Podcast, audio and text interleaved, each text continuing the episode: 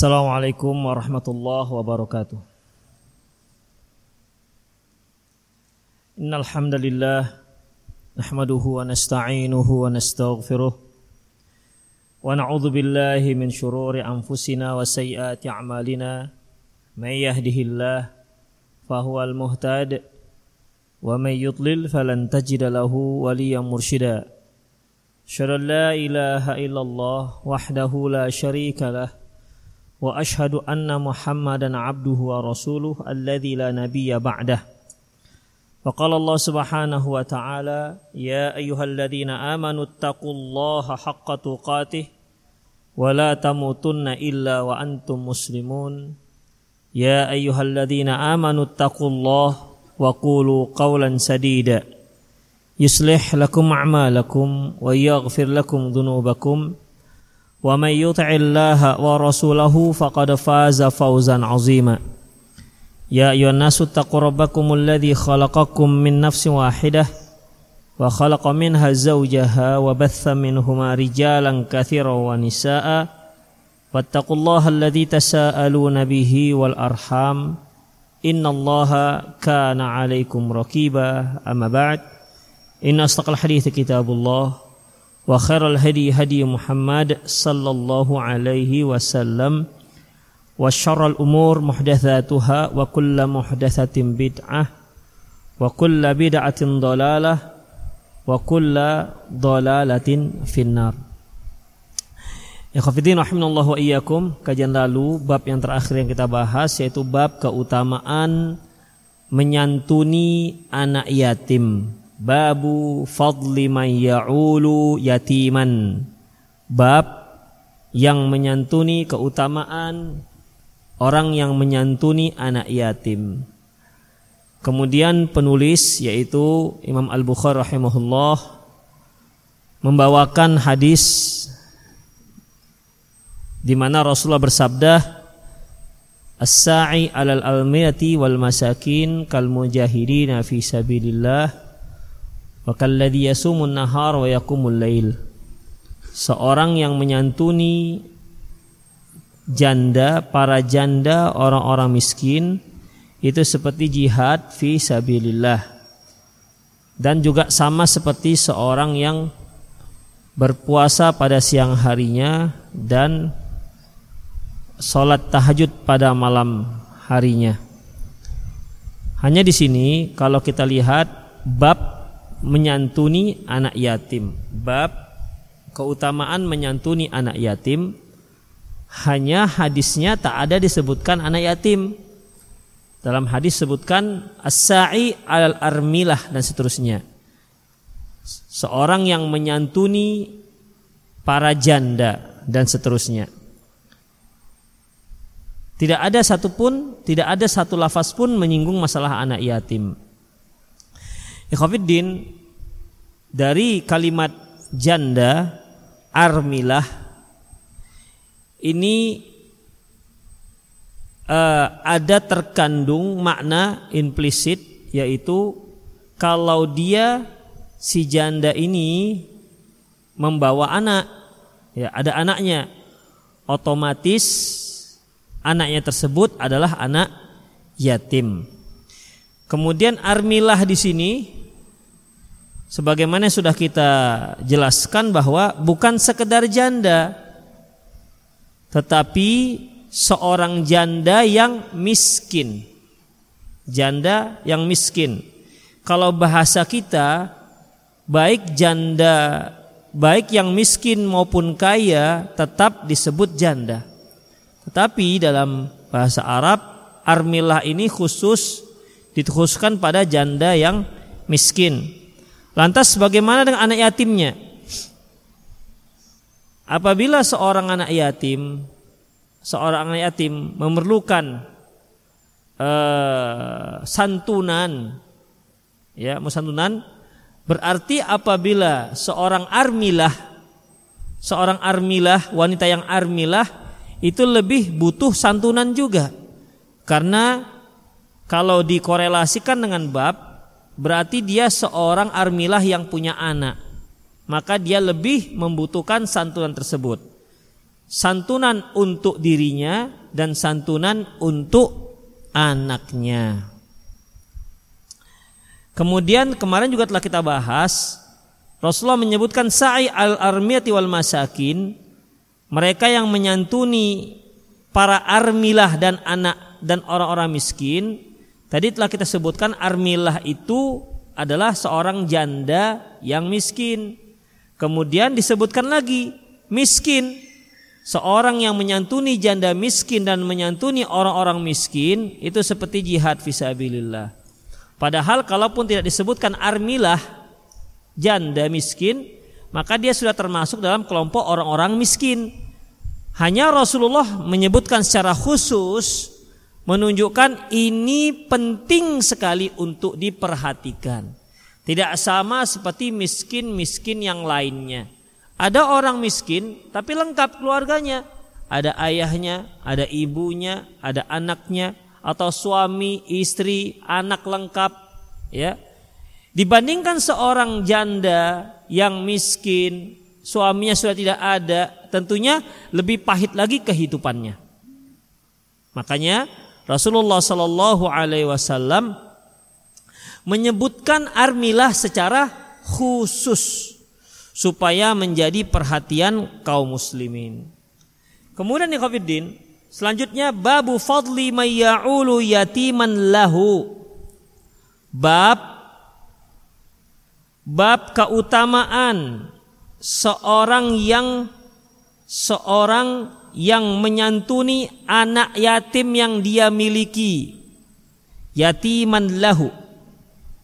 Ikhwah, uh, sebagaimana yang telah kita definisikan pada kajian lalu, yatim itu manfaqada abuh, seorang anak yang sudah yang kehilangan ayahnya. Artinya ayahnya sudah meninggal. Bukan pisah dengan emaknya. Karena seorang anak apabila kedua orang tuanya pisah karena cerai, ini anak tetap punya ayah. Walaupun si ayah menikah lagi dengan wanita lain. Namun si anak tetap menjadi anaknya. Jadi yang dikatakan yatim ayahnya ya ayahnya yang sudah meninggal. Sekali lagi adapun ayah yang masih hidup di mana pun ayahnya ayahnya ini wajib untuk menafkahi anaknya. Suami istri qadarullah masyafa'ala berpisah. Si istri punya anak. Ya, punya anak. Anak di bawah si istri misalnya. Istri nikah lagi dengan laki-laki lain, suami nikah lagi dengan wanita lain. Terpisahlah mereka. Maka anak yang dibawa oleh si suami, si istri ini tetap di bawah nafkah seorang suami, di bawah nafkah ayahnya di mana pun si anak berada. Jadi dengan terpisahnya kedua orang tua itu tidak membatalkan nafkah, kewajiban nafkah. Nafkah tetap. Ya, untuk mamanya, untuk emaknya berhenti. Setelah selesai iddah, maka terhentilah nafkah.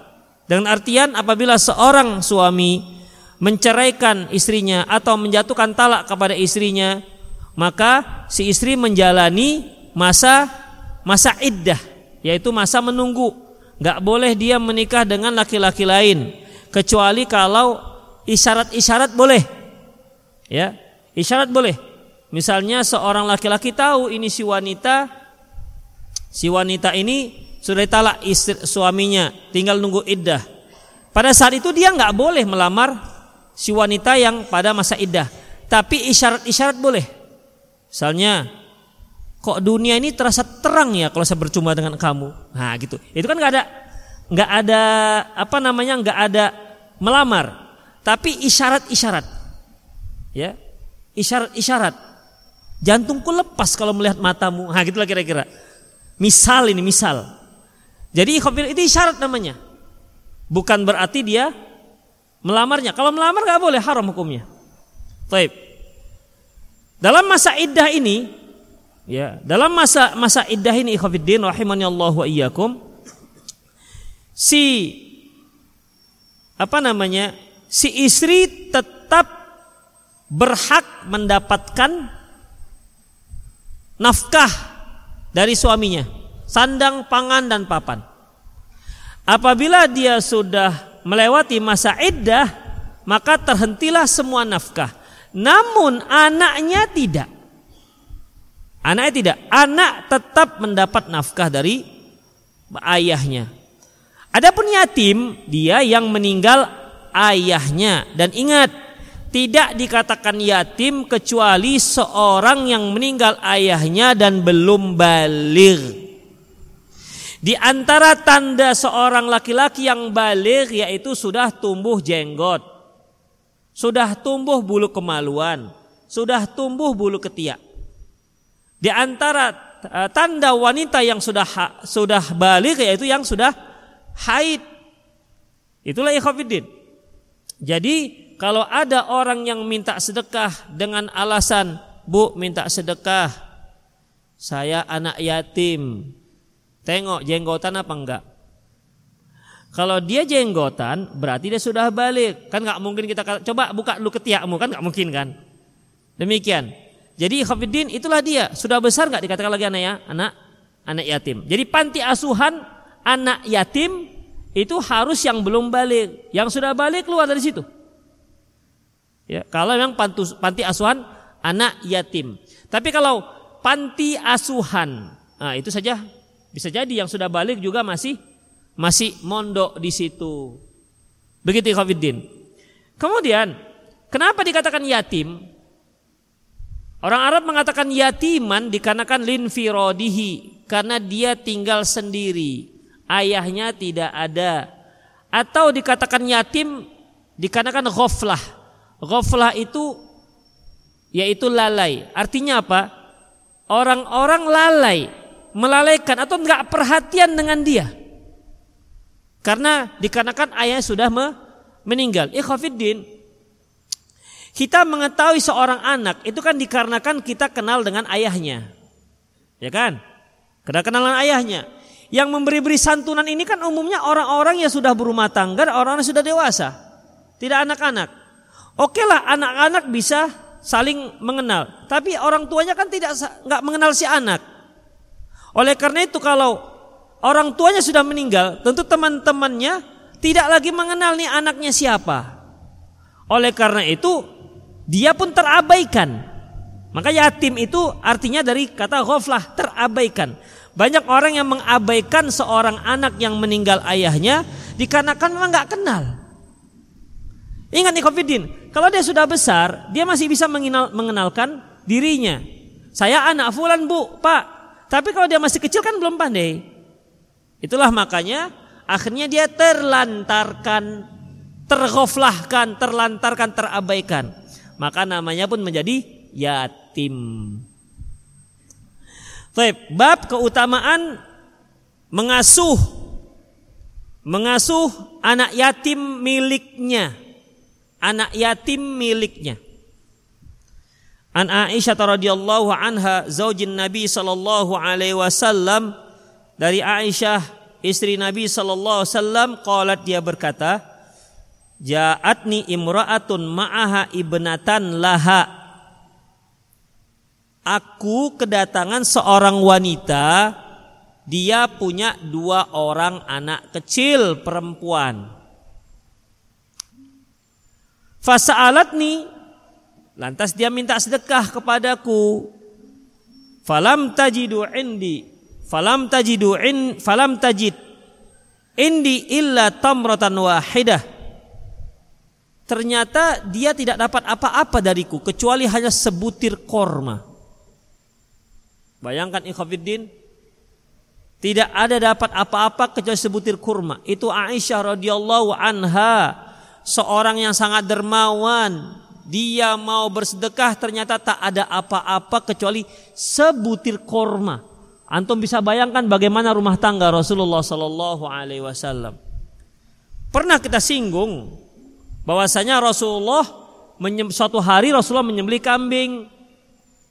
Dah, kemudian daging kambing ini di, dibagi-bagikan oleh Aisyah illa katifuha kecuali pahanya bagian kaki depan. Paha kaki depan. Ketika Rasulullah Sallallahu Alaihi Wasallam pulang, beliau nanya pada Aisyah, hal ya syai? Ya Aisyah, ada enggak daging yang tersisa? Kata Aisyah radhiyallahu anha, A'taitu kullaha illa katifuha. Ah, ma baqiya syai illa katifuha. Ya Rasulullah, enggak ada yang tersisa kecuali satu paha di kaki depan. Pada dasarnya ikhwafiddin, katif itu artinya bahu. Katif artinya bahu. Dalam bahasa Arab, orang Arab menamakan setiap hewan yang berkaki empat, itu kaki depan dikatakan tangan. Kaki belakang dikatakan kaki. Ini yang kalau kita bahas mengenai ketika seorang sujud apakah dia kaki duluan ataukah lutut duluan. Karena terkait dengan masalah unta. La yabrukanna ahadukum kama yabrukul ba'ir. Janganlah salah seorang kalian merunduk, maksudnya mau sujud seperti unta, seperti menderumnya unta, maka dibahaslah kaki duluan atau tangan duluan. Padahal unta kan kaki semua. Ya kan? Unta itu kaki semua. Namun dalam istilah Arab, kaki depan itu dikatakan tangan, kaki belakang dikatakan kaki. Taib. Jadi kata Aisyah, illa katifwa, kecuali bagian bahu. Inilah bahunya. Bahu berarti kaki karena kaki depan dikatakan tangan, maka paha depan itulah yang bagian pangkalnya dikatakan bahu. Itu kalau kita mau menyembelih, kan kita pijak itu. Ya, kaki satu kan mijak kambing. Tempat yang kita pijak itulah katif namanya. Pahala kalau kita katakan. Kan bukan ekor kita pijak kan waktu mau menyembelih kan? Bukan ekor kan? Bukan perut juga kan? Kan di atas perut. Itulah katif. Dah. Jadi Ma baqiya syai'illa katifwa. Ya Rasulullah enggak ada yang sisa kecuali paha depan. Satu itu satu. Paha depan berapa? Dua. Itu pun hanya satu. Kata Rasul, "La, enggak. Baqiya kulla syai'illa katifwa." Ya Rasul, ya Aisyah sebenarnya semuanya masih ada. Yang sudah yang yang belum ada itu katifuha, yaitu kaki depannya. Karena belum di infakkan. Yang sudah diinfakkan itu yang punya kita. Yang belum kita infakkan itu yang belum punya kita. Bayangkan ikhwafidin, begitu rumah tangga Rasulullah SAW. Antum potong kambing, pulang-pulang tinggal paha. Kira-kira reaksi antum apa? Mana nih dek? Udah sedekah-sedekah kan bang? Ada sisa? Ada, satu paha. Satu paha? Seekor kambing satu paha sisa? Begitu. Rasulullah nggak begitu. Oh enggak, semuanya masih ada. Yang tersisa yang belum punya kita hanya hanya paha depannya. Demikian ikhwatiddin. Jadi Aisyah radhiyallahu anha ketika datang fakir miskin minta makanan, ternyata yang dapatnya satu korma. Satu korma. Dalam hadis yang lain disebutkan Aisyah menyebutkan bahwasanya beliau itu jarang masak jarang masak gandum, artinya buat roti jarang. Bukan karena malas. Kalau mak mas ini memang jarang masak. Kenapa? Nah, tinggal beli. Tinggal beli, tinggal pesan. Itu dia bukan bukan karena bukan karena apa namanya malas masak, tapi memang nggak ada yang dimasak. Tidak tidak ngepul asap dapurnya. Makanya sering dapurnya Rasulullah tuh sering dapurnya Rasulullah menunya hanya dua aswadan. Dua yang hitam. Apa itu? Kurma dan air. Kurma dan air. Airnya air rendaman kurma. Begitulah ikhwafiddin. Ya. Jadi dalam masalah ini ternyata Aisyah hanya punya satu kurma. Itulah yang diberikan. Fa'ataituha. Fa'ataituha. Dan aku pun memberikannya kepada si wanita tersebut. Kemudian Aisyah melihat sesuatu yang sangat menakjubkan. Faqassamatha baina ibnataiha. Lantas si ibu ini dia paruh dua kormanya, yang satu dia beri ke ke anaknya, anaknya kan dua nih perempuan. Yang satu diberikan kepada anak yang satu, yang satu lagi dengan anak yang kedua. Jadi si wanita ibunya nggak makan apa-apa. Itu Khofiddin. Saya masih ingat dulu waktu kecil ketika seorang ustadz menjelaskan masalah ini. Kenapa kok bisa? Karena oh, karena kurma di sana tuh besar-besar. Begitu dulu. Kan dulu waktu saya kecil-kecil tuh jarang-jarang ada kurma. Kita dapat korma dari Saudi dari orang, orang dari Mekah. Masya Allah itu rasanya. Tengok-tengok. Masya Allah inilah korma itu ya. Sekarang Masya Allah kan banjir korma. Dari mulai yang beli sampai yang gratis. Tapi tetap saja kita mengharapkan yang gratis. Begitulah ikhwafiddin. Jadi kurma lah namanya. Paling yang besar itu kan kurma California itu. Tidak ada kurma yang sebesar mangga. Tidak ada. Jadi jangan bayangkan, ya wajar lah Rasulullah kalau kalau makan berbuka hanya tiga kurma. Oh kurmanya besar-besar katanya. Kurma besar-besar. Begini dia bilangnya. Masih ingat saya waktu kecil loh. Begini besar. Oh iya juga ya kalau segini. Tiga kenyang lah. kalau gitu misalnya kita ganti makan dengan makan nasi dua piring. Kok Rasulullah kormanya besar-besar begini tiga, kita ganti tiga piring, dua piring. Demikian. Enggak. Korma, korma ya korma. Ya. Kurma ya kurma. Fakas samat habaina ibnatayha. Dan dia pun bagi dua korma tersebut. Summa qamat. Setelah itu dia pun bangkit. Fakharajat. Dan pergi. Fadakhala Nabi sallallahu alaihi wasallam. Setelah itu Rasulullah datang tuhu maka aku pun mencerita, menceritakan tentang hal ini kepada beliau kejadian yang yang menurut Aisyah itu satu hal yang luar biasa. Dia minta sedekah hanya dapat satu korma yang separuh dikasih anaknya separuh lagi kasih dengan dia. Ibunya sendiri nggak makan.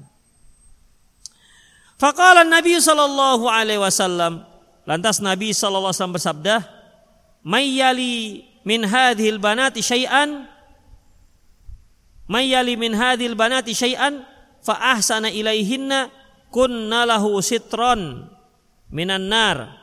Barang siapa yang mengasuh anak-anak ini fa ahsana ilaihinna lantas dia bersikap baik kepadanya kunna lahu sitron lahu kunna lahu sitron minan nar maka itu menjadi pembatas tameng.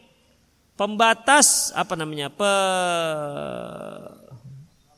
penghalang maka itu menjadi penghalang dia dari api neraka itulah sabda Rasulullah sallallahu alaihi wasallam tapi khafidin rahimanallah wa iyyakum dari hadis ini ya dari hadis ini Rasulullah menyebutkan barang siapa yang mengasuh anak-anak ini, anak-anak perempuan ini.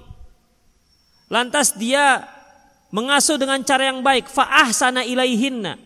Fa'ahsana ilaihinna dan berbuat baik kepada mereka, artinya bukan hanya sikap. Ya, bukan hanya sikap. Pertama ikhwafiddin, kenapa kok anak perempuan? Gak disebut Rasulullah, barang siapa mengasuh anak-anak laki-laki, maka dan dia apa namanya ber, ber, bersikap baik kepada anak laki-laki maka menjadi menjadi penghalang bagi dirinya ke api neraka. Di sini disebutkan perempuan. Laki-laki enggak.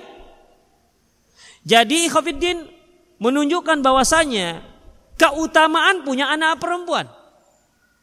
Makanya kalau antum punya anak perempuan jangan jangan kecil hati. Anak pertama begitu lahir, tengok yang pertama lihat Kemaluannya, ah perempuan. Anak kedua, ah gitu juga. Tidak ada loncengnya.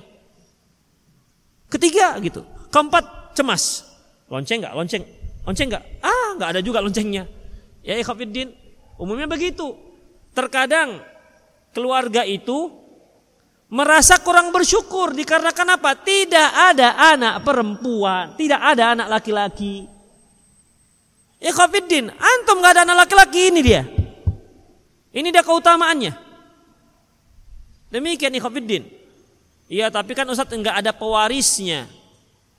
Memang kalau pewaris marga enggak. Ya. Pewaris marga memang enggak. Tapi ikhwafiddin, anak perempuan itu banyak sekali keutamaan-keutamaannya. Banyak sekali keutamaannya.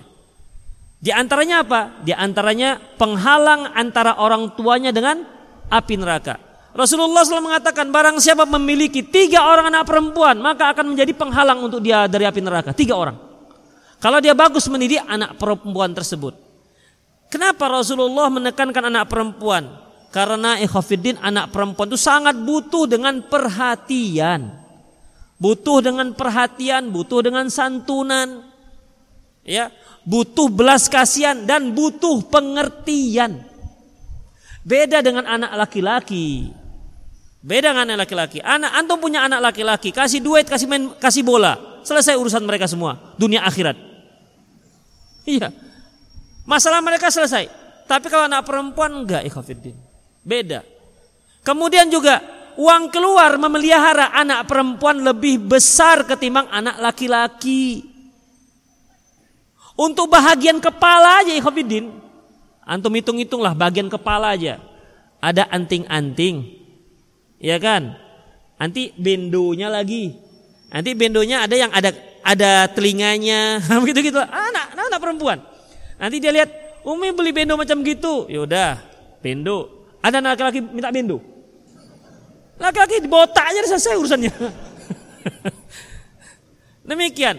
Kemudian apa lagi? Disisir. Anak perempuan rata-rata rambutnya rambutnya panjang.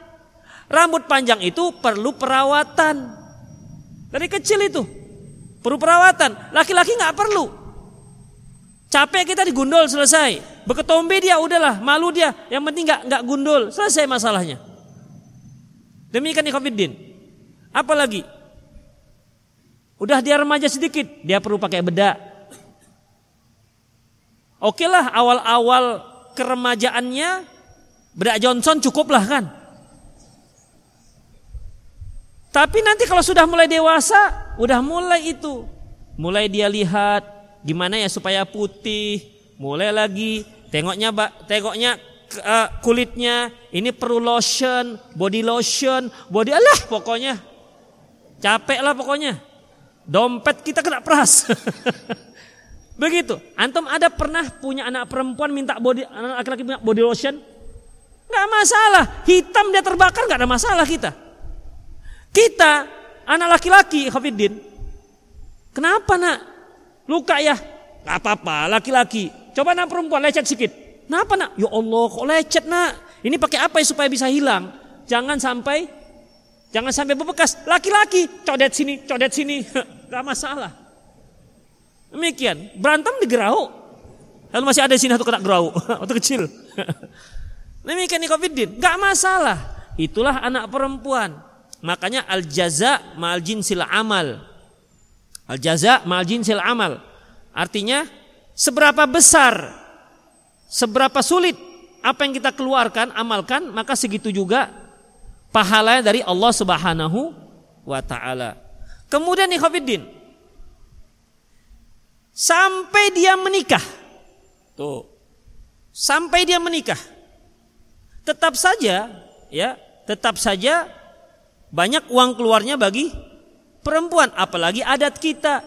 Pestanya di tempat perempuan.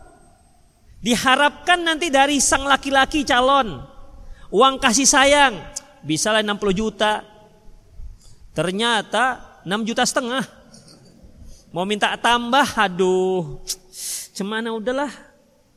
Peras jantung lah kan. Demikian. Dan begitu memang sering terjadi harapannya sang mempelai laki-laki yang membantu. Begitu. Ada lagi parah, ngasih cuma 6 juta setengah. Tamu si laki-laki lebih banyak dibanding kamu perempuannya. Ya Allah, tamu dia lebih banyak. Begitu ikhafid, itulah nasib anak perempuan. Begitu ikhafiddin. Rumit memang anak perempuan, tapi asyik juga punya anak perempuan. Itulah dia. Ikhatifiddin rahimani Allah wa iyyakum. Kalau antum punya anak perempuan, ada yang suka manja-manja. Manggilnya juga kita suka. Tapi kalau anak laki-laki nggak begitu. Be, gitu kan. Be. Terkejut kita dibuatnya. Nah, perempuan kan enggak. Begitulah ikhwafidin, ada plus minusnya. Tapi begitulah apa namanya? Eh, keutamaan memiliki anak perempuan. Taib. Kemudian ikhwatiddin rahimallahu yakum. Dalam hadis ini, ya, dalam hadis ini Rasul mengatakan barang siapa mengasuh anak perempuan fa'ah sana ilaihinna. Fa'ah sana ilaihinna ini maksud apa?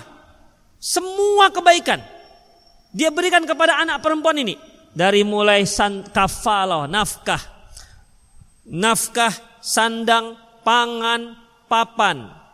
Sudah cukup? Enggak. Himayah, perlindungan. Sudah cukup? Enggak. Perhatian. Masya Allah lah pokoknya. Ya, Masya Allah. Makanya ikhwafiddin. Terkadang para seorang akhwat itu mengeluh dengan ayahnya karena apa? Enggak hangat ke anaknya. Ada seorang akhwat cerita, dia beberapa bulan meninggalkan tempat dia karena bekerja, dijemput oleh emak dan ayahnya. Ketika bertemu dengan emaknya, dipeluk dengan hangat nih anak perempuan. Setelah itu dia peluk ayahnya. Ustadz dingin. Ayah saya dingin Ustadz. Begitu Khafiddin. Dia merasakan tuh anak perempuan. Makanya antum anak perempuan jangan dingin-dingin begitu. Apalagi mau dipeluk. Ah, peluk peluk. Ngapain peluk peluk. Begitu. Nggak boleh begitu. Dipeluk juga dia. Itu anak antum masalahnya kecuali anak orang baru nggak boleh. Ini kalau anak orang hangat pelukannya. anak sendiri dingin macam batang pisang, nggak boleh begitu, Ikhwafiddin. Peluk juga dia, kalau dia peluk, peluk juga dia, cium dia. Ingat bagaimana Rasulullah Sallallahu Alaihi Wasallam. Itu Rasulullah apabila kedatangan Fatimah radhiyallahu anha, dia berdiri, bangkit Rasulullah menyambut, bukan Assalamualaikum, Waalaikumsalam, masuk. Pintu sudah dibuka. Nggak begitu Rasulullah dijemput, dijemput, dijemput, dicium, dipegang tangannya, dibawa dan dipersilakan duduk. Begitu Rasulullah SAW ke anak perempuannya. Ya, otomatis anak perempuannya juga memperlakukan hal yang sama. Kalau Rasulullah, kalau Rasulullah datang, dijemput Rasulullah di pintu, dijemput, dicium Rasulullah, kemudian dipegang tangannya dan di dipersilakan di tempat yang duduk yang tepat yang paling nyaman. Begitulah antara Rasul dengan anak perempuannya. Demikian ikhwatiddin. Yang seperti ini perempuan yang membuat nyaman. Itu dia, nyaman. Sebenarnya masalah ekonomi itu bisa nomor sekian. Nomor sekian. Asalkan antum bisa pegang titik yang sangat menentukan. Apa itu? Hatinya. Begitu. Kalau sudah antum pegang hatinya, Dek, kita hari ini tempe aja Bang ya. Gak apa-apa Bang, kita makan saya makan tempe plus sayangnya Abang. Hah, gitu dia. Antum gak percaya masalahnya, ya udahlah.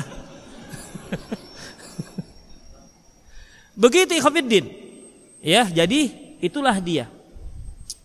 Walaupun banyak juga perempuan jadi beringas gara-gara kurang belanja ada juga.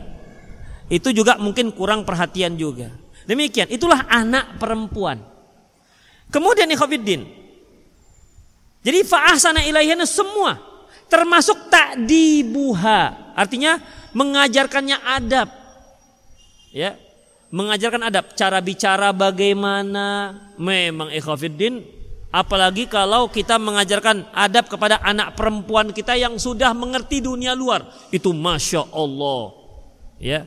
Banyak bahasa-bahasa di luar itu kurang bagus. Kita bagus dalam memberikan kosakata kepada anak-anak kita. Namun mungkin dia bisa merikot kosakata luar yang buruk dari kawan-kawan dia. Makanya di di apa namanya? di diajarkan adab. Bagaimana adab terhadap orang tua diajarkan. Terkadang kan anak-anak ini suka merajuk, ya, suka mutung. Kadang-kadang apa namanya? wajahnya itu bisa sepet kepada orang tuanya. Ajarkan jangan gitu nak, begitu. Ya sebelumnya orang tua minta maaf dong. Minta maaf dulu, kemudian ajarkan. Kalau ada bahasa-bahasa kadang-kadang kan kesal dengan uminya, dengan abinya, keluar omongan, misalnya yang kasar, misalnya ya spontan, ajarkan, jangan begitu caranya nak, begitu. Terus ajarkan yang hafidin. Dan memang begitu, terus begitu. Ya, terus begitu. Dan insya Allah pelan-pelan akan berubah. Dan kita sebagai orang tua Tunjukkan kepada mereka, begini loh caranya. Begitu. Minimal minimal uminya harus lembut. Itu dia. Kalau bapaknya ya namanya ke laki-laki. Kalau bapaknya lembut juga bencong namanya. Minimal uminya. Ibunya harus pandai bersikap lembut dan sabar kepada anak-anaknya. Karena itu yang akan ditiru. Ya, yang akan di, ditiru oleh anak-anaknya. Itu dikatakan faah sana ilaihinna. Jadi berbuat baik kepada mereka bukan hanya ingat, bukan hanya ngasih duit cukup. Kamu minta apa nak? Bilangkan saja. Bapak akan penuhi, bukan hanya itu. Semuanya itu tercakup dalam kitab faah sana ilaihinna dan dia berbuat baik kepada mereka. Kemudian Ikhwafiddin Kunna lau sitron minan nar maka akan menjadi penghalang antara dia dan api neraka. Permasalahannya di sini antara bab dengan hadis sepertinya kok nggak nyambung. Hadis kan menunjukkan barang siapa keutamaan orang yang menyantuni anak yatim. Di sini nggak ada cerita anak yatimnya. Ada seorang ibu, dia bawa dua orang anak perempuan. Lantas dia minta sedekah, diberikan kurma, diparuh dua oleh si ibu, masing-masing setengah kurma. Lantas Rasulullah berkomentar barang siapa? Ya, barang siapa mayati min hadil banat, barang siapa yang mengasuh anak-anak perempuan seperti ini, maka dia akan menjadi penghalang untuk dia dari api neraka. Tidak ada di situ yatimnya. Ikhwatifidin rahimanallah wa iyyakum, Imam Al-Bukhari menyebutkan hadis ini dalam bab masalah yatim dikarenakan apa? Dikarenakan dia termasuk keumuman. Termasuk keumuman. Perhatikan si ibu tadi itu. Si ibu tadi itu bisa dia masih punya suami atau bisa saja dia sudah tidak punya suami. Demikian. Berarti ucapan ini itu ditujukan kepada semua. Baik mereka yang punya anak kandung yang belum yatim, apalagi anak kandung yang sudah yatim. Seorang ibu apabila suaminya meninggal, maka anaknya anak yatim. Perlakuannya, perlakuan si ibu kepada anaknya ini, ini perlakuan seperti anak yatim. Dia punya keutamaan. Kenapa? Karena pada saat itu dia menjadi single parent. Dia ibu sekaligus bapak. Dia ibu sekaligus bapak. Sampai-sampai dia harus minta sedekah demi memenuhi kebutuhan anaknya. Jadi si ibu ini di samping dia mengasuh anaknya, dia juga dapat pahala seperti mengasuh anak yatim. Itu satu. Yang kedua, karena kan di sini babnya mayyaulu yatiman lahu. Keutamaan yang mengasuh anak yatim lahu miliknya. Yang kedua bisa jadi si ibu sudah menikah lagi dengan laki-laki lain. Laki-laki ini punya anak tiri. Anak tiri ini ayahnya sudah meninggal. Maka si suami ini, ayah yang baru ini, dia mengasuh anak yatimnya. Artinya yang dia miliki. Bukan dari orang lain, tapi dari istrinya sendiri. Demikian ikhwafiddin. Dan dia mendapatkan keutamaan seperti itu juga. Makanya ikhwafiddin seorang yang memiliki yang mengasuh anak yatim. Ingat, yatim di sini perempuan ya. Perempuan. Laki-laki nggak termasuk sini. Laki-laki, yatim laki-laki nggak termasuk dalam bab ini. Barang siapa yang mengasuh anak perempuan, baik anak kandung dia maupun anak yatim perempuan, maka akan menjadi penghalang antara dia dan api neraka. Sehingga dengan demikian ada korelasi antara bab dan dan hadis. Itulah ikhwatiddin rahimani Allah wa iyyakum. Sudah sampai setengah enam, berarti sudah masuk pada sesi tanya jawab. Satu hadis baru ya? Insya Allah. Adalah cukuplah ikhafidin ya.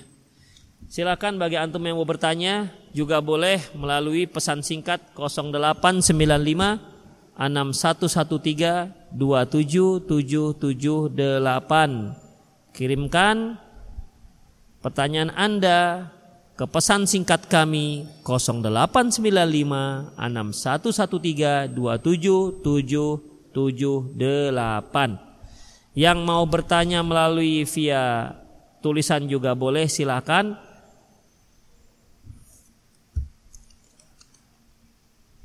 Di hari kiamat ada orang yang membawa pahala puasa, sholat, zakat, tapi di dunia pernah menzalimi orang lain, maka pahala tersebut dikirim kepada orang yang zalim tersebut. Jika tidak ada pahala lagi, maka dan seterusnya hingga habis pahala.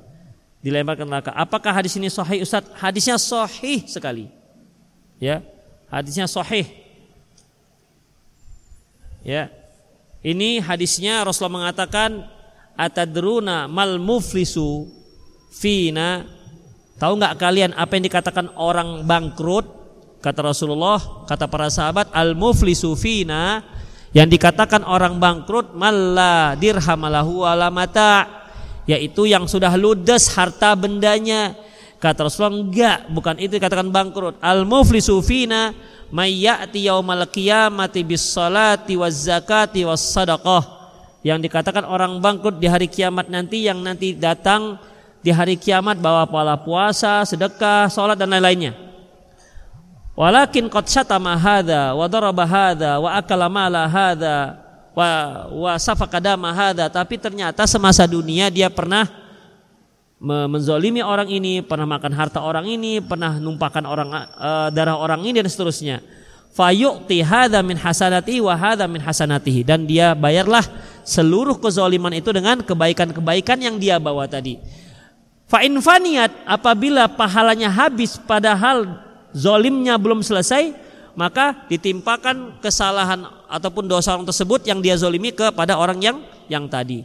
Kemudian dia pun diseret ke dalam api neraka. Itu dikatakan bangkrut. Hadisnya sahih.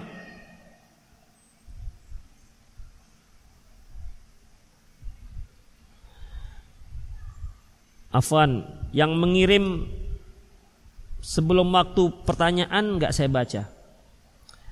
Seorang istri lebih baik ikut pergi kajian atau mendengarkan live streaming aja di rumah. Sebenarnya ikhafiddin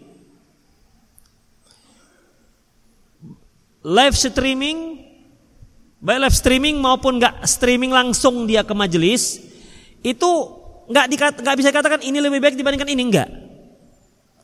Ngapa demikian? Pertama, kalau seorang wanita itu wakarna fi buyutikunna, sebaiknya dia di di rumah. Udah. Kemudian kalau di majelis, di majelis itu banyak berkahnya. Makanya kaum wanita, kaum wanita pada zaman Rasulullah SAW itu minta majelis khusus. Majelis khusus, kajian khusus untuk kaum mak-mak di Madinah. Karena di situ ada keberkahannya. Sebagaimana sabda Rasulullah SAW, Inna lillahi malaikah as-sayyarat. Sesungguhnya Allah memiliki para malaikat sayyarat. Ya bahathunan an hilakat dzikr. Yaitu yang berjalan yang membahas mencari mana dia yang namanya uh, majelis-majelis ta'lim. Wa idza wajadu apabila dapat hafu alaihim mereka kelilingi malaikat mengelilingi. Makanya di situlah muncul yang namanya terasa sakinah. Di situ ada terasa terasa tenang. Makanya majelis taklim itu tenang ikhwafiddin. Makanya sering orang yang saking tenang yang majelis taklim tidur. Itu di antara efek ketenangan itu. Di rumah dia nggak bisa tidur, tapi di majelis taklim begitu. Innal hamdalillah tenang hatinya. Tidur langsung dia. Kapan berakhir? Setelah subhanakallahumma rabbana. Ada yang seperti itu. Udah. Jadi kalau dia menghadiri majlis taklim juga bagus.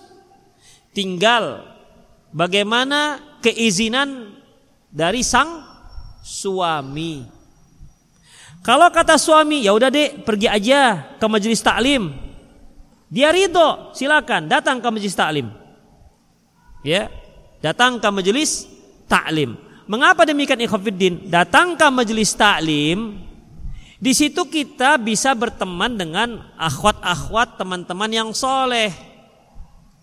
Karena memang majelis taklim itu ingat betul-betul majelis taklim ya. Datang memang majelis taklim bukan majelis arisan. Karena kan sekarang ada majelis arisan baru diselang-selingi dengan taklim. Jadi kajian itu selingan, arisan yang utama. Makanya emak-emak yang seperti ini datangnya juga beda datang dengan membawa berbagai macam aksesoris-aksesoris lemarinya. Begitu. Ya. Sanggulnya besar kurang besar. Kenapa? Karena intinya arisan. Begitu. Acara sampingan taklim. Nah, begini Khafidin. Yang kita maksud adalah memang acaranya taklim. Datang taklim pulang. Itu aja. Datang taklim pulang. Makanya kalau ada yang berniat datang taklim, kenapa bu datang taklim? Iya banyak kali jajanannya, murah-murah. Ada yang begitu loh. Murah-murah loh jajanannya. Jadi semangat awak taklim. Ini semangat taklim apa semangat belanja? Semangat ngemil. Kalau begitu insya Allah di situ. Kalau majlis taklim seperti itu ikhwafiddin, nggak ada acara lain. Selain hanya taklim pulang. Datang taklim pulang. Itu hanya orang-orang yang ingin belajar, yang ingin datang ya. Hanya ingin belajar. Tapi kalau ada taklim ada laki draw ada apa lagi? Hadiah-hadiah yang lain hadiah sepeda. Yang jawab dapat sepeda misalnya. Udah. Akhirnya apa? Akhirnya datang gara-gara sepeda. Atau umroh. Yang bisa menjawab pertanyaan dapat umroh misalnya. Orang datang tidak lagi untuk taklim tapi untuk umroh. Supaya dapat umroh gratis. Free untuk 10 orang penjawab pertanyaan pertama free gratis umroh. Umroh ke mana? Ke asrama haji. Begitu begitu ikhafidin maka yang hadir-hadir itu insya Allah pada umumnya pada umumnya orang-orang soleh dan solehah. Makanya ikhwan-ikhwan yang soleh-soleh itu dia mencari calon yang di di majlis taklim. Ingat antum Mak-mak sekarang mencari calon anaknya masjid taklim. Itu. Yang mencari untuk anaknya yang belum taklim, dia mencari akhwat yang sudah taklim. Dia tahu di sini, di sini, di sini majelisnya akhwat-akhwat solehah. Dia nggak kepingin kalau bisa ya anaknya bisa berubah lah begitu dengan akhwat-akhwat yang solehah. Makanya laku keras akhwat-akhwat yang sudah taklim. Itu dia. Yang keras-keras yang enggak enggak juga sih. Demikian ikhwatiddin rahimani Allah wa iyyakum. Karena dia tahu, dia nggak cari, dia nggak cari di mall, nggak. Dia nggak cari di mana? Di arisan-arisan enggak, di pesta enggak. Ya, dia cari di majelis taklim sekarang. Dia tahu itu ikhwatiddin. Di situ sarangnya akhwat-akhwat yang soleh. Eh yang soleh aja, yang soleh. Itulah ikhwatiddin. Jadi kita nggak bisa katakan live di rumah lebih bagus. Ya kalau dia nggak diizinkan suaminya pergi keluar untuk tuntut talim, ya lebih bagus di lebih bagus di rumah. Iya kan? Kan ada juga sekarang itu emak-emak karena dia sudah bosan asik di rumah aja, bawaannya mau taklim aja ada. Jam 8 taklim. Nanti jam 11 taklim sampai zuhur. Pulang makan, istirahat, habis asar taklim lagi sampai maghrib.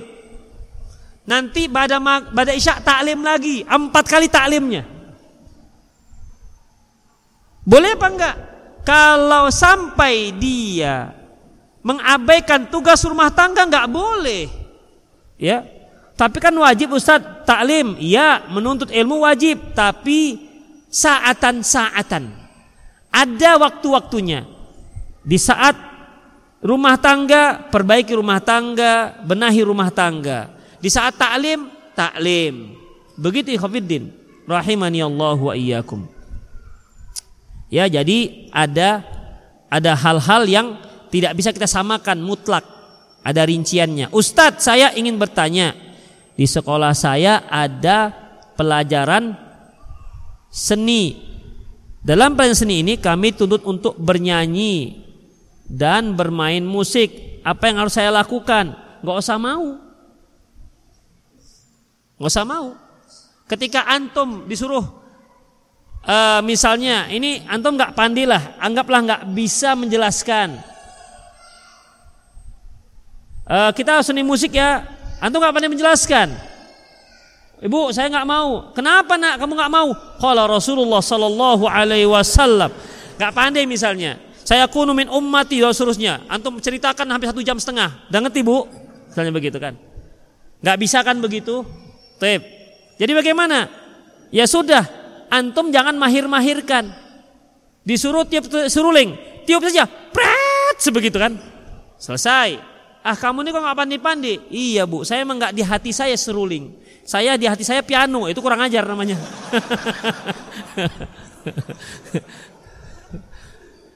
Jadi dalam masalah ini Khafidin, ya antum jangan mahir di situ. Ya, ya ogah-ogahan aja. Begitu rahimahnya Allah wa iyyakum. Kalau bisa menghindar menghindar. Kalau nggak bisa ya sudah. Jangan sampai antum tidak suka musik tapi antum yang terdepan. Yang paling bisa bermain. Akhirnya ya antum lah disuruh selalu oleh si ibu. Begitu Khafidin rahimani Allah wa iyyakum. Pandai-pandailah dalam masalah ini ya. Nanti Ustadz nilainya jelek, nggak apa-apa jelek.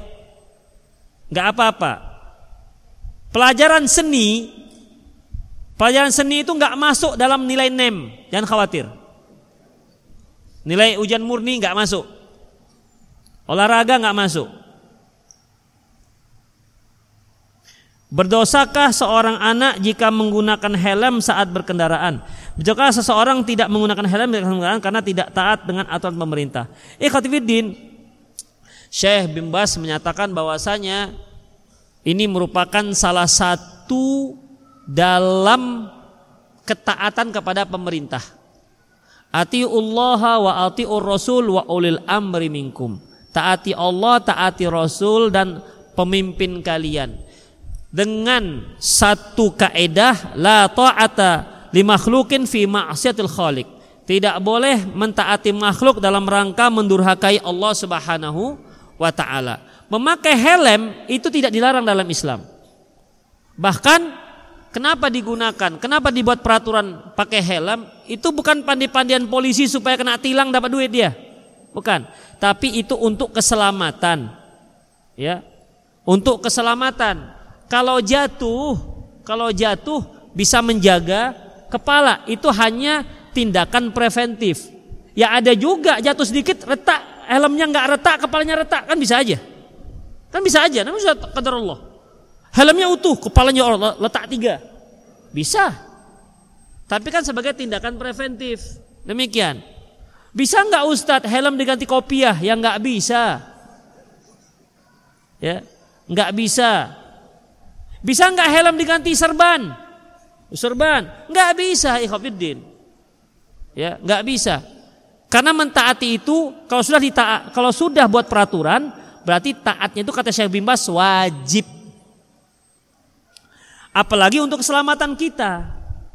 Begitu, untuk keselamatan kita. Makanya jangan pakai alasan gara-gara pakai sorban tidak pakai helm. Pakai sorban hukumnya sunnah. Itu pun sunnah jibillah. Helm itu hukumnya wajib karena mentaati pemerintah. Demikian ikhwafiddin. Rahimani Allahu wa iyyakum. Pakailah helm. Dan pakailah helm SNI. Jadi jangan pakai helm kaleng-kaleng. Karena tujuannya itu supaya melindungi kepala. Jangan juga pakai helm proyek Helm proyek itu kalau kejatuhan, iya. Tapi kalau kejatuhan, kejatuhan misalnya linggis, nancep. Kalau dia jatuh begini kan nggak melindungi, karena helm proyek itu untuk di atas, maka nggak mencukupi. Kalau dulu di awal-awal diwajibkannya helm masih boleh pakai helm proyek, ya masih dibolehkan. Sekarang udah nggak boleh lagi, harus SNI. Demikian. Kalau antum takut di stop Tulis saja SNI di belakang. Semoga lewat dalam dalam razia. Ustadz, Ana masih lajang, mantap. Jika menikahi gadis sangat sulit karena maharnya tinggi. Eh siapa bilang? Antum jangan menuduh. Antum belum dapat gadisnya aja. Ya kalau antum melihatnya gadisnya harus tinggi, putih macam bule, kemudian bening, kemas-emasan, ya iyalah. Mahal lah. Tapi coba yang antum biasa-biasa aja. Apa kata Ustadz Maududi? Kalau milih akhwat, sudah jangan terlalu banyak pilih-pilih Asalkan yang penting satu aja, asalkan antum nggak muntah aja udah cukup. Pokoknya nggak muntah aja cukup dah katanya. ya tapi nggak gitu juga lah ya kan. Kita kan kaum laki-laki juga punya selera. Punya selera, iya. Saya mewakili antum. Saya tenang, tenang antum. Saya bela antum. Ya jangan yang sampai muntah-muntah gitulah. Jadi artinya antum cocok ya silah pinang begitu. Jangan terlalu ekspektasinya jangan terlalu tinggi. Jangan terlalu tinggi. Demikian ikhwatiddin. Ya. Ada insya Allah ada. Yang hanya mungkin seperangkat alat sholat ada. Ya. Ya tentunya akhwat yang bagaimana? Kalau antum mencari akhwatnya nanti yang yang apa namanya yang yang doktor, LC, MA, apalagi spesialis apa? Ya nggak bisa lah nggak mau dia seperangkat alat sholat.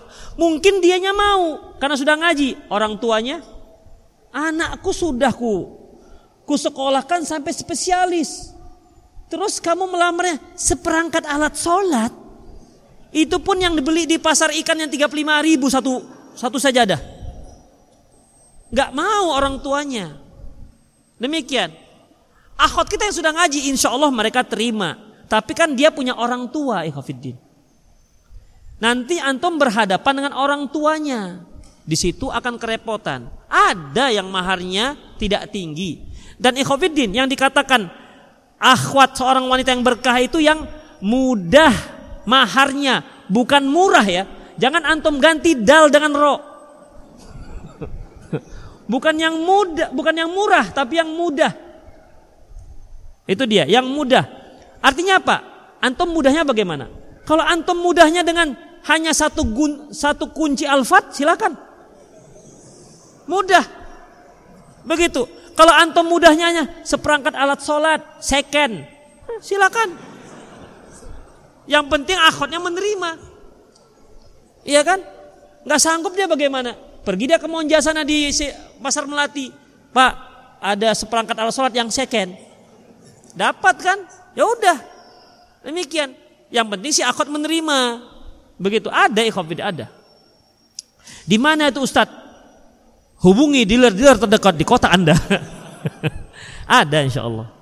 Apakah salah jika Anda memilih menikah janda yang mudah maharnya? Enggak salah. Banyak janda yang nganggur sekarang. Enggak salah ya Sangat tidak salah. Sangat tidak salah.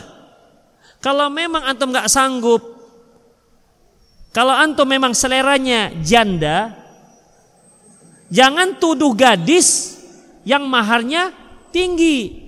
Itu marah nanti para gadis, antum nggak lewat nanti depan ini.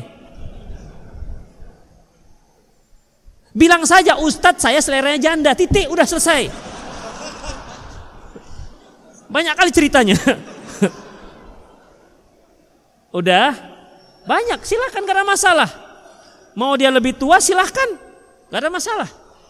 Seorang sahabat ketika ditanya Rasulullah, ya kamu sudah menikah sudah?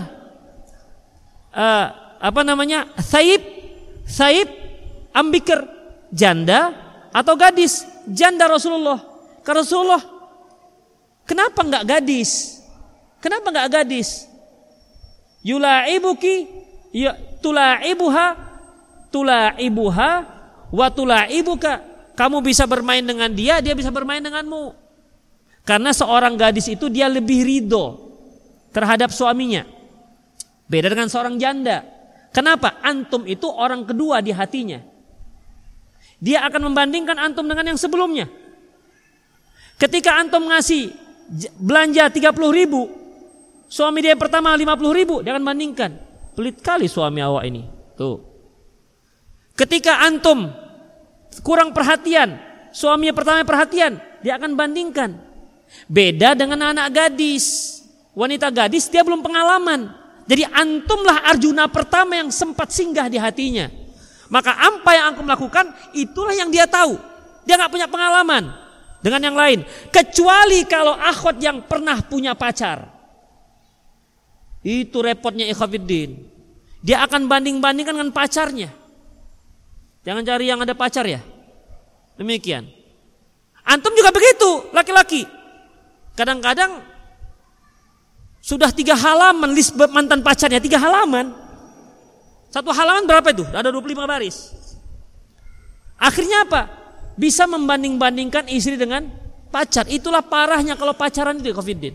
Gonta-ganti pacaran. Walaupun memang gak nikah, dia akan banding-bandingkan. Makanya udah gak usah pacar-pacaran. Gak usah pacar-pacaran. Nanti akan membuat retak rumah tangga. Apalagi dia bermasalah dengan suaminya, eh muncul tiba-tiba pacar lamanya. Kenapa dek kok bermurung durja? Iya bang ada masalah di rumah tangga saya. Itulah gak mau dengan abang gak mau. Begitu. Pura-pura jadi hero kesiangan dia. Pura-pura menjadi pembantu, apa pemerhati, memberikan perhatian. Akhwat begitu kan ya suka dia. Demikian ya. Jadi kalau antum memang mau janda silahkan, silahkan. Jangan mencela anak gadis. Demikian ya. Janda silahkan, tidak masalah. Kemudian yang Jabir tadi, apa namanya, uh, yang menikah dengan janda tadi. Kenapa kamu nggak menikah dengan yang gadis? Ya Rasulullah, saya punya adik-adik yang masih kecil apa adik-adik perempuan yang masih kecil. Saya berharap dialah nanti yang mengasuh adik-adik saya. Kalau saya nanti nikah dengan yang gadis, ini bisa cakar-cakaran mereka. Mereka nggak bisa mengasuh. Kalau begitu Rasulullah mengiyakan. Itu maslahatnya. Itulah istimewanya janda dibandingkan gadis. Dia lebih berpengalaman dalam mengurus rumah tangga. Jadi antum kalau mau menikah dengan janda, insya Allah rumah tangga dipastikan bisa teratur. Dipastikan bisa masak. Tapi kalau enggak gadis, masya Allah, antum harus ajarkan lagi bagaimana, bagaimana dan begini. Jangan-jangan dia seorang mahasiswi yang memang nggak pernah masak, nggak pernah pegang sapu. Begitu suruh pegang sapu, hijaunya ke atas, sapunya ke bawah misalnya. Kita nggak tahu. Misal mungkin, saya nggak tahu dia. Biasanya dia pakai vakum cleaner gitu loh. Itu jadi nggak biasa pakai sapu dia. Demikian Ikhwanuddin diajarkan. Jadi harus benar-benar sabar. Ustadz bagaimana mengajak kawan agar mau untuk ilmu Dia takut kalau datang untuk ilmu Dia akan tahu semua hal syubhat Ataupun yang haram sehingga dia tidak bisa mengerjakan lagi Mohon solusinya Ikhwanuddin Solusinya Ustadz Ikhwanuddin Ada seorang yang Kalau dia Kalau dia eh, Apa namanya tidak tahu memang tidak ada hukum. Tapi kalau dia tidak tahu karena memang keengganannya menuntut ilmu, dosanya besar. Gak mau tahu dia, saya gak mau lah ngaji. Kalau saya ngaji, nanti banyak sekali yang saya tahu hukum. Akhirnya dia tidak mau mengaji. Yang seperti ini, Khafiddin, lama kelamaan bisa jatuh kepada kufrun i'rab. Kufur karena berpaling terhadap agama Islam. Gak mau tahu dengan agamanya. Sholat enggak mau tahu, Pokoknya nggak mau tahu tentang agama Islamnya. Ini bisa jatuh pada kufur i'rad sebagaimana dikatakan oleh Syekh Ibrahim Ar-Ruhaili. Tetapi orang yang taklim, yang belajar, tahu dia ini haram, tapi dia langgar. Dosa dia ini yang satu dosa karena dia nggak mau taklim, yang satu dosa dia tahu tapi dia langgar lebih besar dosa orang yang nggak mau tahu ketimbang orang yang tahu tapi masih dia langgar. Itu dia, katakan kepada dia. Ustadz, saya masih usia 25 tahun. Cuma ibu selalu merengek kepada saya agar saya segera menikah. Bukan saya menutup diri, tapi sejauh ini lelaki yang datang hanya laki al al-modusi. Oh, al-modusi, Masya Allah. Al-modusi. Bicara di awal ingin menikah tapi sebenarnya mengajak pacaran. Jadi bagaimana solusi Ustadz agar ibu saya reda merengeknya? Mohon saya bingung bagaimana Ustadz. Bilangkan ke ibu Anti saya sudah membuka hati tapi belum ada calon. Bilang aja begitu. Ibu carikanlah yang calon untuk cocok dengan saya gitu. bebankan dia ke orang tua. Mak carikanlah mak, syaratnya sudah ngaji. Ah begitu begitu. Oh begitu ya sudah nanti mak carikan, nanti mak ikut ngaji. Atau bapaknya ikut ngaji demi untuk mencari calon untuk anaknya. Begitu. Minta emaknya suruh carikan. Mana tahu ada ada calon yang yang apa namanya cocok. Apa saja keutamaan memiliki anak perempuan selain penghalang api neraka?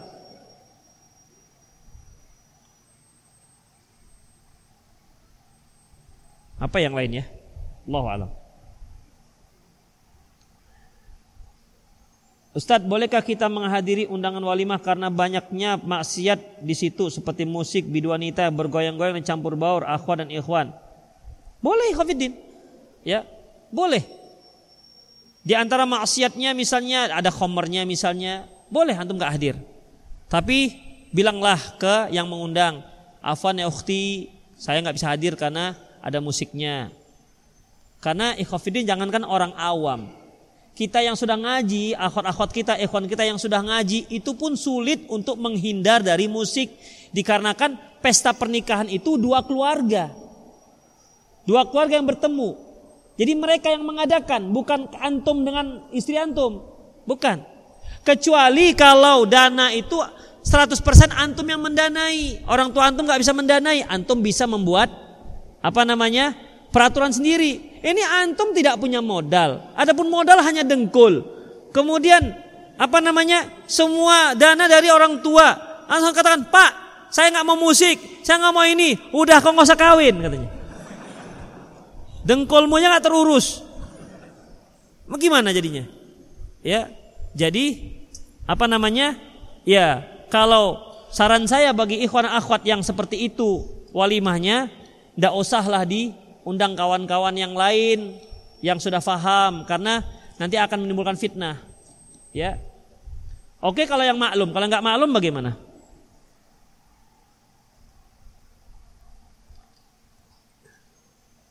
Ustadz, apabila perempuan sebelum menikah tanggung jawab suaminya. Apabila perempuan sebelum menikah tanggung jawab suaminya. Setelah nikah tanggung jawab suaminya. Ayahnya mungkin maksudnya. Tanggung jawab ayahnya setelah menikah tanggung jawab suaminya. Apakah kondisi janda siapakah yang tanggung jawab? Balik ke orang tuanya. Kalau seorang wanita dicerai oleh suaminya balik ke orang tuanya. Itulah perempuan. Makanya para akhwat sekalian, kalau anti punya calon, kemudian tidak diridhoi oleh orang tua, bersabar. Bersabar. Jangan mentang-mentang dia punya pacar kemudian sudah cocok kuserahkan jiwa dan ragaku walaupun orang tua tak meridhoi diriku kita lari bersama-sama kawin. Ingat kalau terjadi apa-apa ke mana larinya? Ke orang tua. Begitu tetap minta ridho orang tua. Kalau seandainya calon anti itu yang yang sunnah, yang salafi, yang cingkrang, yang berjenggot, tapi orang tua anti tidak ridho, sudah bersabar saja dulu. Jangan nekat untuk kawin lari, nggak sah. Minta ridho orang tua. Berdoa kepada Allah, Allah yang membolak-balikan hati. Karena sudah banyak kejadian yang tidak diri orang tua ternyata lama-lama ridho juga. Bersabar ikhwafiddin. Ya, banyak jamaah-jamaah itu ikhwafiddin. Karena nikah sama jemaah, akhirnya orang tua nggak ridho. Apa katanya? Gak apa-apa. Orang tuamu kan nggak jamaah kita. Naudzubillah. Tidak ada dalam Islam masalah jamaah-jamaah seperti ini. Jamaah itu satu negara, itu jamaahnya. Udah. Jadi selama dia apa namanya orang tua itu Muslim, maka tetap walaupun mungkin yang orang tua sufi, tetap minta ridho dia ikhafidin. Rahimani Allah wa iyyakum. Satu lagi lah. Ustadz, bentuk menghidupi janda itu apakah harus menikahi? Enggak, saya enggak ada bilang. Antum jangan menuduh dong. Enggak ada bilang gitu. Apa tidak boleh hanya menyantuni, mencukupi seluruh kebutuhannya hidupnya? Bisa. Apakah kita tidak menikahi? Jika tidak menikahi tidak dapat pahala jihad? Enggak ada saya bilang begitu. Antum ngantuk ya ngomong tidurnya? Enggak ada. Ya. menyantuni janda itu tidak ada tidak harus menikahi. Tapi kalau dinikahi itu akan lebih bagus. Karena jelas statusnya sebagai istri. Kalau tidak ikhafiddin ya, ya sudah antum santuni, tapi ingat itu janda bukan mahram. Permasalahannya sering terjadi, ini janda janda muda, lebih bening dibandingkan istri antum. Kemudian antum asik nyantuni aja. Nah, tuh istri akan curiga, ini abang ini kok senang kali ya menyantuni dia. Makanya dalam masalah ini jangan sampai gara-gara antum menyantuni janda, rumah tangga pecah. Begitu. Ya, sekarang kan banyak yang janda itu lebih genit dibandingkan istri sendiri. Itu dia. Jadi dalam masalah ini khafidin rahimanallahu wa iyyakum, lihat maslahatnya yang terbesar. Kalau memang antum bisa nikahi silahkan. Kalau enggak ya sudah. Kalau menikahi janda lantas harus menceraikan istri pertama juga nggak sah. Jangan. Ya. Jangan sampai berpoligami tapi malah nggak jadi poligami juga, tetap satu istri. Itulah khafidin. Jadi benar-benar pertimbangkan maslahat dan mudorotnya. Atau kalau betul-betul mau menyantuni saja, biar istri saja yang berhubungan dengan janda itu. Jangan antum langsung. Telepon, dek, adik janda ya dek? Iya bang. Bilang aja dek, apa kebutuhan? Abang lah pokoknya memenuhi semua. Wow, jadi hero kesiangan dia. Biar istri yang urusannya, dia yang datang ke rumahnya. Kalau perlu antum nggak usah tahu di mana rumahnya, nggak perlu tahu siapa orangnya. Kasih duit aja dengan istri. Berapa tuh kebutuhan janda dek? Sekian nih, dah kasih. Jangan tanya-tanya siapa orang, dek. Ada nomor kontaknya dek. Jangan tanya-tanya nomor kontak. Ya.